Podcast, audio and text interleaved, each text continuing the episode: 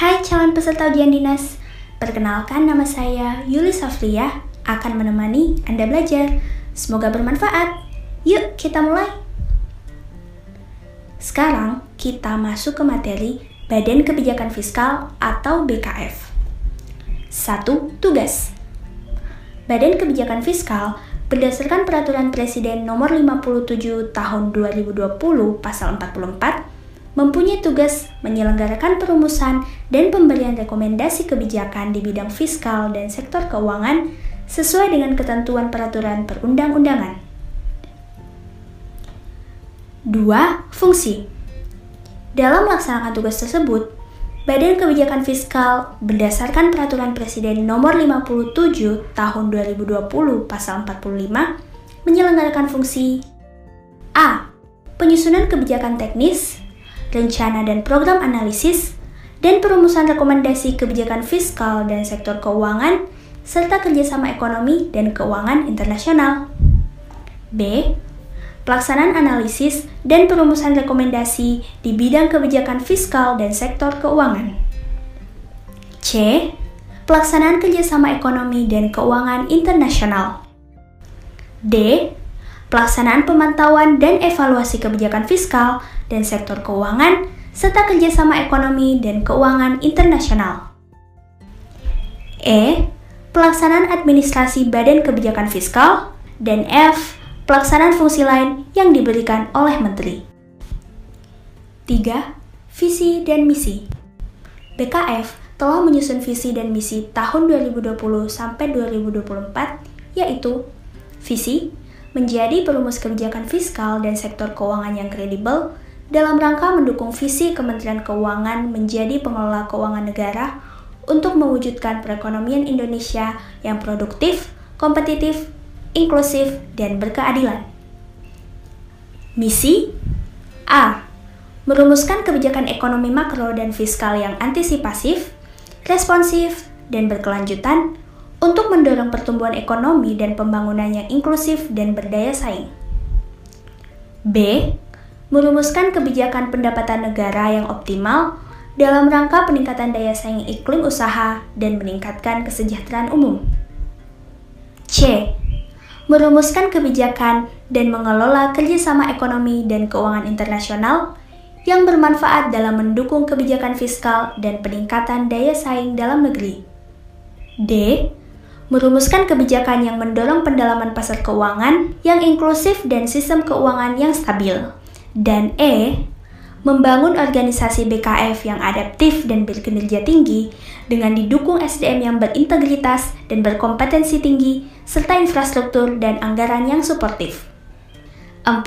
Struktur organisasi Badan Kebijakan Fiskal terdiri dari A. Sekretariat Badan B. Pusat Kebijakan Pendapatan Negara C. Pusat Kebijakan Anggaran Pendapatan dan Belanja Negara D. Pusat Kebijakan Ekonomi Makro E. Pusat Kebijakan Sektor Keuangan F. Pusat Kebijakan Pembiayaan Perubahan Iklim dan Multilateral dan G. Pusat Kebijakan Regional dan Bilateral. Selanjutnya, kita masuk ke materi Badan Pendidikan dan Pelatihan Keuangan atau BPPK. 1. Tugas dalam rangka meningkatkan kualitas pelayanan Kementerian Keuangan kepada para stakeholder, Kementerian Keuangan memberikan pelatihan kepada para pegawainya. Tugas melatih para pegawai ini diberikan kepada BPPK. Badan Pendidikan dan Pelatihan Keuangan berdasarkan Peraturan Presiden Nomor 57 Tahun 2020 Pasal 48 mempunyai tugas menyelenggarakan pendidikan, pelatihan, dan sertifikasi kompetensi di bidang keuangan negara sesuai dengan ketentuan peraturan perundang-undangan. 2. Fungsi Dalam melaksanakan tugas tersebut, berdasarkan Peraturan Presiden Nomor 57 Tahun 2020 Pasal 49, BPPK menyelenggarakan fungsi A. Penyusunan kebijakan teknis, rencana dan program pendidikan dan pelatihan dan sertifikasi kompetensi di bidang keuangan negara. B. Pelaksanaan pendidikan, pelatihan, dan sertifikasi kompetensi di bidang keuangan negara dan manajemen pengetahuan. C. Pemantauan, evaluasi, dan pelaporan pelaksanaan pendidikan dan pelatihan dan sertifikasi kompetensi di bidang keuangan negara. D. Pelaksanaan administrasi Badan Pendidikan dan Pelatihan Keuangan. Dan E. Pelaksanaan fungsi lain yang diberikan oleh Menteri. 3. Visi dan misi. BPPK telah menyusun visi yaitu visi menghasilkan SDM pengelola keuangan negara yang unggul dan beretika dalam rangka mendukung visi Kementerian Keuangan menjadi pengelola keuangan negara untuk mewujudkan perekonomian Indonesia yang produktif, kompetitif, inklusif, dan berkeadilan. Misi A. Mengelola pendidikan yang berkualitas tinggi dalam kerangka Kementerian Keuangan Corporate University. B memperkuat pelatihan yang berdampak tinggi bagi SDM keuangan negara dalam kerangka Kementerian Keuangan Corporate University. C.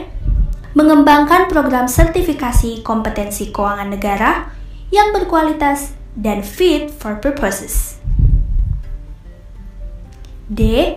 Mewujudkan manajemen pengetahuan keuangan negara yang andal dalam kerangka Kementerian Keuangan Corporate University. E mengembangkan sistem tata kelola berbasis digital dan manajemen sumber daya yang optimal. 4. Struktur organisasi BPPK terdiri dari A. Sekretariat Badan B. Pusat Pendidikan dan Pelatihan Pengembangan Sumber Daya Manusia C.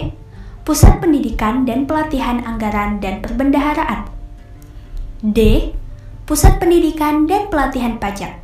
E. Pusat Pendidikan dan Pelatihan Bea dan Cukai. F. Pusat Pendidikan dan Pelatihan Kekayaan Negara dan Perimbangan Keuangan. G. Pusat Pendidikan dan Pelatihan Keuangan Umum. Nah, sekarang kita masuk ke materi terkait staf ahli Menteri Keuangan. Dalam melaksanakan tugas, Menteri Keuangan dapat menunjuk seorang staf ahli sebagai koordinator staf ahli. Staf ahli menteri adalah pegawai negeri sipil di lingkungan Kementerian Keuangan yang berada di bawah dan bertanggung jawab kepada Menteri Keuangan. Staf ahli dalam pelaksanaan kegiatan sehari-hari didukung oleh Sekretariat Jenderal Kementerian Keuangan. 1. Tugas Staf ahli berdasarkan Peraturan Presiden Nomor 57 Tahun 2020, mempunyai tugas memberikan rekomendasi terhadap isu-isu strategis kepada Menteri di bidang peraturan dan penegakan hukum penerimaan pajak, kepatuhan penerimaan pajak, pengawasan penerimaan pajak, kebijakan penerimaan negara, pengeluaran negara, makroekonomi dan keuangan internasional, kebijakan dan regulasi jasa keuangan dan pasar modal, dan organisasi, birokrasi, dan teknologi informasi, hukum, dan hubungan kelembagaan. 2. Fungsi Dalam melaksanakan tugas tersebut, staf ahli menyelenggarakan fungsi pengolahan dan penelaahan masalah-masalah di bidang peraturan dan penegakan hukum penerimaan pajak, kepatuhan penerimaan pajak, pengawasan penerimaan pajak, kebijakan penerimaan negara, pengeluaran negara, makroekonomi dan keuangan internasional, kebijakan dan regulasi jasa keuangan dan pasar modal, dan organisasi, birokrasi, dan teknologi informasi serta penyiapan penalaran secara konsepsional. B. Penalaran konsepsional suatu masalah di bidang keahliannya atas inisiatif sendiri dan pemecahan persoalan secara mendasar dan terpadu untuk bahan kebijakan Menteri Keuangan sebagai penelaahan staf. C. Pemberian bantuan kepada Menteri Keuangan dalam penyiapan bahan untuk keperluan rapat seminar, dan lain-lain yang dihadiri oleh Menteri Keuangan. D. Pelaksanaan tugas-tugas lain atas petunjuk Menteri Keuangan. 3. Organisasi Susunan staf ahli terdiri dari A. Staf ahli bidang peraturan dan penegakan hukum pajak mempunyai tugas memberikan rekomendasi terhadap isu-isu strategis kepada menteri di bidang peraturan dan penegakan hukum penerimaan pajak. B. Staf ahli bidang kepatuhan pajak mempunyai tugas memberikan rekomendasi terhadap isu-isu strategis kepada menteri di bidang kepatuhan penerimaan pajak. C. Staf ahli bidang pengawasan pajak mempunyai tugas memberikan rekomendasi terhadap isu-isu strategis kepada menteri di bidang pengawasan penerimaan pajak. D. Staf ahli bidang penerimaan negara mempunyai tugas memberikan telaahan kepada menteri mengenai masalah penerimaan negara. E. Staf ahli bidang pengeluaran negara mempunyai tugas memberikan telaahan kepada menteri mengenai masalah pengeluaran negara. F. Staf ahli bidang ekonomi makro dan keuangan internasional mempunyai tugas memberikan telahan kepada menteri mengenai masalah makroekonomi dan keuangan internasional. G. Staf ahli bidang jasa keuangan dan pasar modal mempunyai tugas memberikan telahan kepada menteri mengenai masalah kebijakan dan regulasi jasa keuangan dan pasar modal. H staf ahli bidang organisasi, birokrasi, dan teknologi informasi, mempunyai tugas memberikan telaahan kepada menteri mengenai masalah organisasi, birokrasi, dan teknologi informasi. Dan I, staf ahli bidang hukum dan hubungan kelembagaan, mempunyai tugas memberikan rekomendasi terhadap isu-isu strategis kepada menteri di bidang hukum dan hubungan kelembagaan. Berikutnya, kita akan membahas tentang Pusat Sistem Informasi dan Teknologi Keuangan. 1. Tugas Pusat Sistem Informasi dan Teknologi Keuangan berdasarkan Peraturan Menteri Keuangan Nomor 229 garing PMK titik 01 garing 2019 mempunyai tugas mengordinasikan dan melaksanakan penyusunan rencana strategis dan Kebijakan Teknologi Informasi dan Komunikasi atau TIK, pengembangan sistem informasi, manajemen layanan TIK, operasional TIK, keamanan informasi dan kelangsungan TIK, manajemen layanan data, dan pengelolaan jabatan fungsional peranata komputer.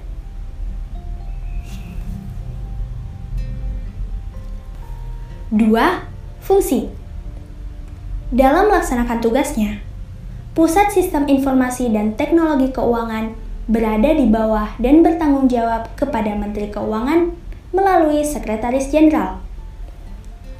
Menyelenggarakan fungsi A. Koordinasi penyusunan dan pemutakhiran rencana strategis TIK. B. Koordinasi penyusunan dan pemutakhiran arsitektur TIK. C. Koordinasi penyusunan analisis kapasitas TK. D. Koordinasi penyusunan dan pemutakhiran kebijakan dan standarisasi tata kelola TK. E. Koordinasi pelaksanaan manajemen program TK. F. Koordinasi pengembangan sistem informasi. G. Koordinasi manajemen layanan TK. H. Koordinasi pelaksanaan operasional TK I. Koordinasi penyusunan dan pelaksanaan tata kelola dan manajemen keamanan informasi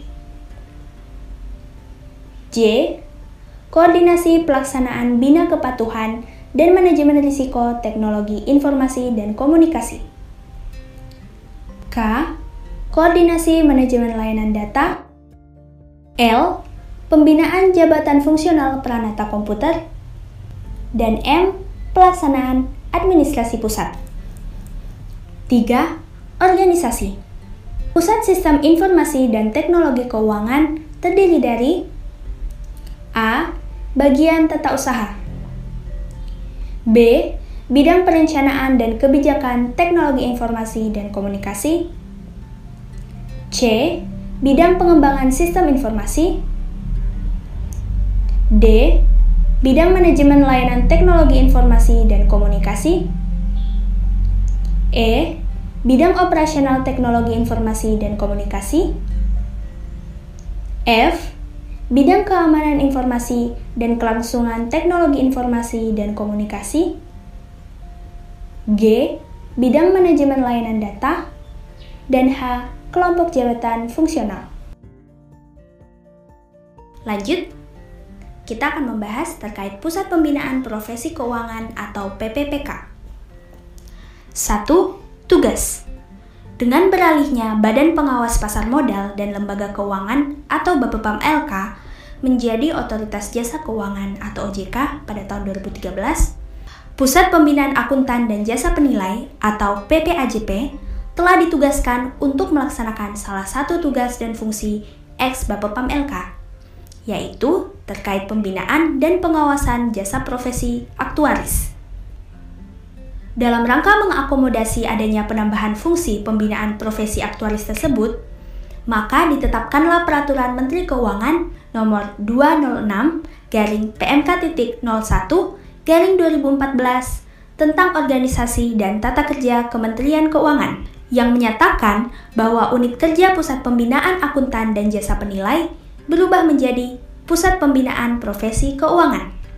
PPPK mempunyai tugas mengordinasikan dan melaksanakan penyiapan rumusan kebijakan, pembinaan, pengembangan dan pengawasan, dan pelayanan informasi atas profesi keuangan, yaitu akuntan, akuntan publik, teknisi akuntansi, penilai, penilai publik, aktuaris, dan profesi keuangan lainnya. 2. Fungsi Dalam melaksanakan tugasnya, PPPK menyelenggarakan fungsi A. Penyiapan rumusan kebijakan di bidang akuntansi, penilaian, dan aktuaria B penyiapan rumusan kebijakan di bidang profesi keuangan, yaitu akuntan, akuntan publik, teknisi akuntansi, penilai, penilai publik, aktuaris, dan profesi keuangan lainnya. C. Penyelenggaraan administrasi registrasi atau perizinan atau pendaftaran akuntan, akuntan publik, rekan non-akuntan publik, kantor jasa akuntansi atau KJA, cabang KJA, kantor akuntan publik atau KAP dan cabang KAP, kantor akuntan publik asing, organisasi audit asing atau OAA, dan organisasi audit Indonesia atau OAI. D. Penyelenggaraan administrasi registrasi atau perizinan atau persetujuan penilai dan ajun aktuaris, penilai publik, kantor jasa penilai publik atau KJPP, cabang KJPP, aktuaris, konsultan aktuaria, cabang konsultan aktuaria, dan profesi keuangan lainnya, pembukaan kantor perwakilan KJPP, serta kerjasama dan pencantuman nama kantor jasa penilai publik asing atau KJPPA dan konsultan aktuaria asing. E. Pembinaan dan pengembangan profesi akuntan, akuntan publik, teknisi akuntansi, penilai, penilai publik, aktuaris, dan profesi keuangan lainnya. F. Pelaksanaan analisis laporan mengenai profesi akuntan publik, penilai publik, aktuaris, dan profesi keuangan lainnya. G. Pelaksanaan pengawasan atas profesi akuntan publik, penilai publik, aktuaris, dan profesi keuangan lainnya. H. Pengenaan sanksi administratif terhadap profesi akuntan publik, penilai publik, aktuaris, dan profesi keuangan lainnya. I pelaksanaan administrasi, PPPK, serta pemenuhan kebutuhan pemangku kepentingan. 3. Organisasi Pusat Pembinaan Akuntan dan Jasa Penilai terdiri atas A. Bagian Tata Usaha B. Bidang Perizinan dan Kepatuhan Profesi Akuntansi C. Bidang Perizinan dan Kepatuhan Penilai, Aktuaris, dan Profesi Keuangan lainnya D bidang pengembangan profesi keuangan, E.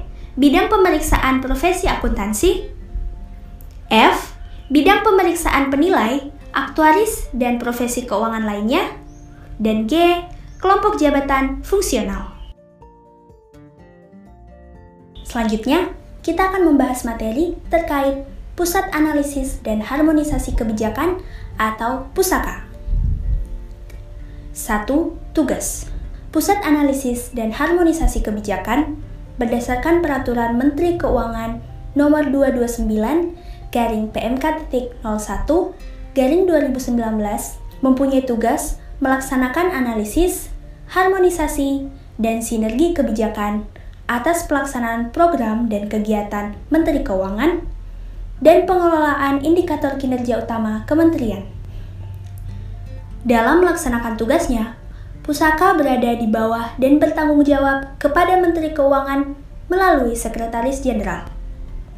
2. Fungsi Dalam melaksanakan tugas, Pusaka menyelenggarakan fungsi A. Pelaksanaan analisis, harmonisasi, dan sinergi kebijakan atas program dan kegiatan Menteri Keuangan di bidang pendapatan negara dan pembiayaan negara. B. Pelaksanaan analisis, harmonisasi, dan sinergi kebijakan atas program dan kegiatan Menteri Keuangan di bidang belanja negara dan kekayaan negara. C. Pelaksanaan analisis, harmonisasi, dan sinergi kebijakan atas program dan kegiatan Menteri Keuangan di bidang sumber daya aparatur dan pengawasan. D. Pelaksanaan pengelolaan program dan kegiatan Menteri Keuangan dan Wakil Menteri Keuangan. Dan E. Pelaksanaan administrasi pusaka. 3. Organisasi. Pusaka terdiri atas A. Bagian tata usaha B. Bidang pengelolaan program menteri dan wakil menteri C bidang analisis dan harmonisasi pendapatan dan pembiayaan negara. D. Bidang analisis dan harmonisasi belanja dan kekayaan negara. E. Bidang analisis dan harmonisasi sumber daya aparatur dan pengawasan. Dan F. Kelompok jabatan fungsional. Nah, para calon peserta ujian dinas, demikian sesi belajar dengan saya, Jangan lupa kasih penilaian ya di akhir sesi mata pelajaran ini. Selanjutnya akan diteruskan oleh teman saya. Semoga sukses!